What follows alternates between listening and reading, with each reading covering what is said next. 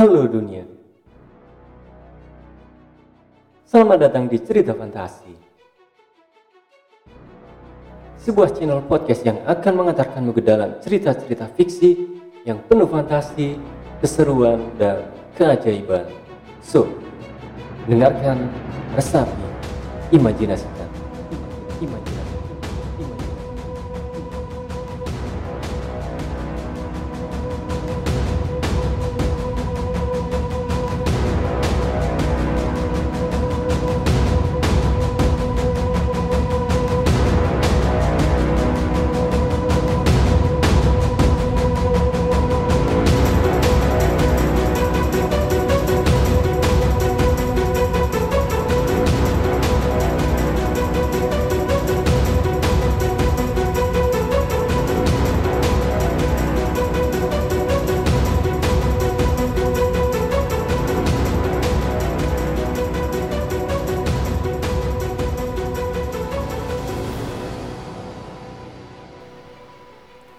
Oke, untuk episode kali ini ada sebuah cerita yang berjudul Left Alone karya Arya Tandiono.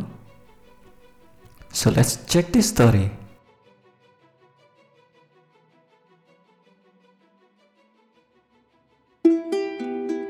Rick, jaga rumah ya nak. Suaranya begitu bersemangat. Tentu saja, ibu akan reunian dengan teman-teman lamanya. Kalau aku jadi ibu, aku lebih baik membeli makanannya, kemudian ku bawa pulang. Setidaknya waktuku tidak terbuang untuk obrolan yang membosankan. Iya bu, aku berteriak jauh lebih keras dari ibu. Tapi tentu saja tidak lebih keras dari suara mobil ibu yang sudah makin menjauh dari pendengaranku. Aku pun bergegas ke kamar, menguncinya, kemudian menyalakan AC. Tak lupa aku nyalakan jam wakerku tepat pada jam setengah enam. Karena tanpa alarm, aku bisa lupa waktu. Setelah setengah jam bermain, jam waker pun berbunyi. Sungguh sangat menjengkelkan sebenarnya. Tapi aku sudah berjanji kepada ibu untuk menjadi lebih disiplin. Aku tak mau diskors di sekolah lagi. Ada sesuatu yang membuatku melirik keluar rumah melalui jendela yang terbuka ini. Kusibak kiranya yang melambai-lambai terkena angin, dan kubuka jendelanya lebih lebar lagi. Dia lagi. Gumamku. Bocah perempuan berumur sekitar 13 tahun itu masih saja duduk di ayunan yang ada di teras rumah kosong itu. Tubuhnya terus berayun-ayun. Perasaanku saja atau tatapannya benar-benar kosong? Tatapannya hanya mengarah ke tanah. Ah, masa bodoh lah. Aku harus segera mandi, kemudian belajar untuk ulanganku besok. Aku menutup jendela serta tirai kamarku. Dan secara samar aku melihat seluas senyum tipis dari wajahnya ketika ia melihat kucing yang melintas di hadapannya. Anak yang aneh. Ku ambil handukku, kemudian aku membuka pintu. Lebih baik aku mandi kemudian makan malam. Setelah itu, aku dapat belajar dengan nyaman untuk ulangan biologi dan kimia besok. Pikiran dan tubuhku terasa jauh lebih baik setelah mandi. Tak terasa, sudah jam 6 ketika aku baru saja berpakaian dan bersiap untuk makan. Hanya dua potong pizza bertoping keju yang tersisa. Ibu pasti memakan sepotong pizza sebelum pergi tadi. Entah kenapa aku tertarik untuk mengecek anak aneh itu dari jendela. Dia sudah tidak ada di sana. Ya, tentu saja. Tidak mungkin kau duduk seharian di ayunan.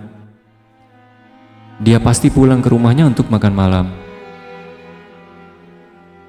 Dan setidaknya dia tidak hanya makan pizza sepertiku, melainkan mendapatkan jamuan makan malam yang lezat. Aku berjalan kembali ke meja makan dengan pizza yang sudah kumakan setengahnya. Tiba-tiba, teleponku berbunyi. Pasti dari ibu. Halo, Ibu. Aku mulai percakapan. Ibu, Tidak biasanya ibu diam begini. Dia selalu yang pertama menyapaku di telepon.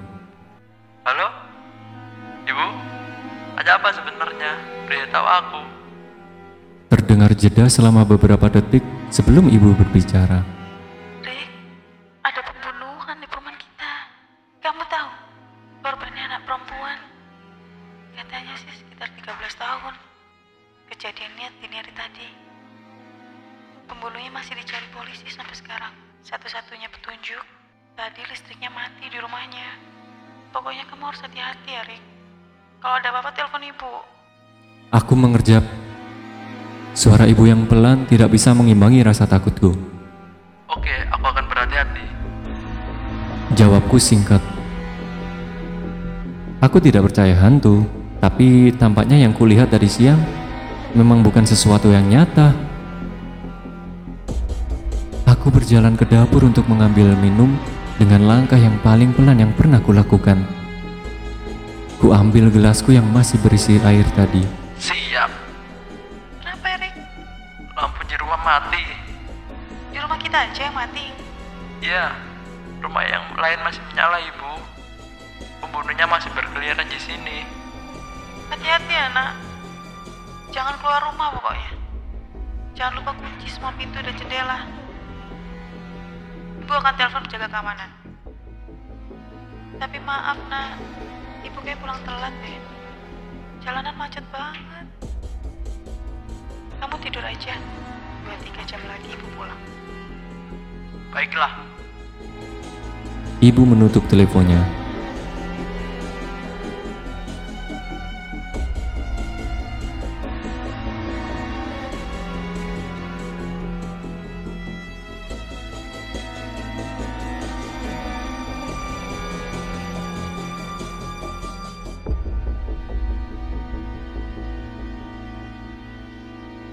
Bagaimana aku bisa tidur dalam keadaan begini? Yang benar saja. Aku pun berjalan perlahan ke kamar sembari menggenggam pemukul bisbol yang kuambil dari ruang tamu.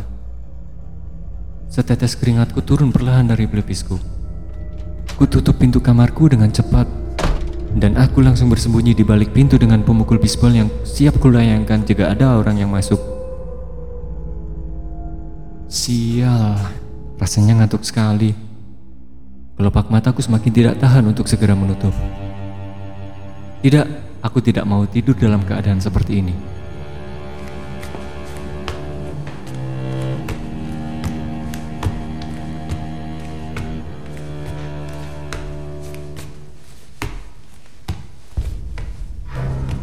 Mataku terbelalak.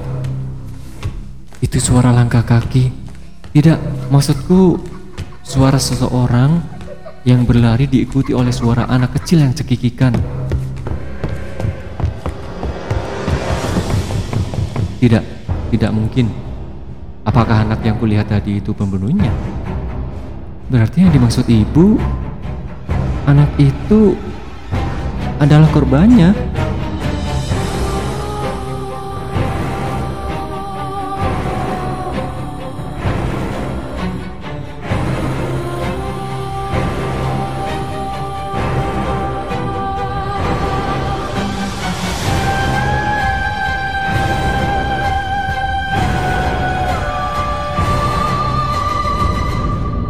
Aku langsung mengunci pintu kamar dan duduk di tempat tidur. Kemudian merogoh saku celanaku dan aku akan menghubungi ibu. Erik, kenapa nak? Penjaga keamanan udah sama kamu kan? Penjaga itu belum datang. Erik? Halo? Rick?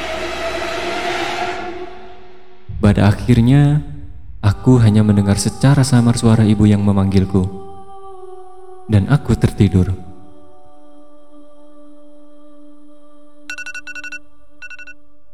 Aku membuka mata perlahan dan meraih jam waker yang ada di depan meja dengan malas. Sudah jam 6, walaupun terasa masih gelap. Aku tersenyum. Aku selamat dari kejadian malam tadi dan anak perempuan gila psikopat itu. Ya, walaupun aku sama sekali tidak menyangka tapi rasanya lega. Aku akan meminta ibu untuk pindah dari sini secepat mungkin. Tapi rasanya ibu akan sulit percaya dengan kejadian kemarin. Ku ambil handphoneku dari atas meja. Mataku terbelalak. Ini masih jam 7 malam. Jantungku kembali berdegup dengan semakin cepat. Ibu belum pulang dan ia masih di sini. Tubuhku bersentuhan dengan sesuatu. Awalnya aku mengira ini bantal. Namun aku menyadari pintu kamarku yang sedikit terbuka. Dan suara cekikikan itu terdengar lagi tepat di telingaku.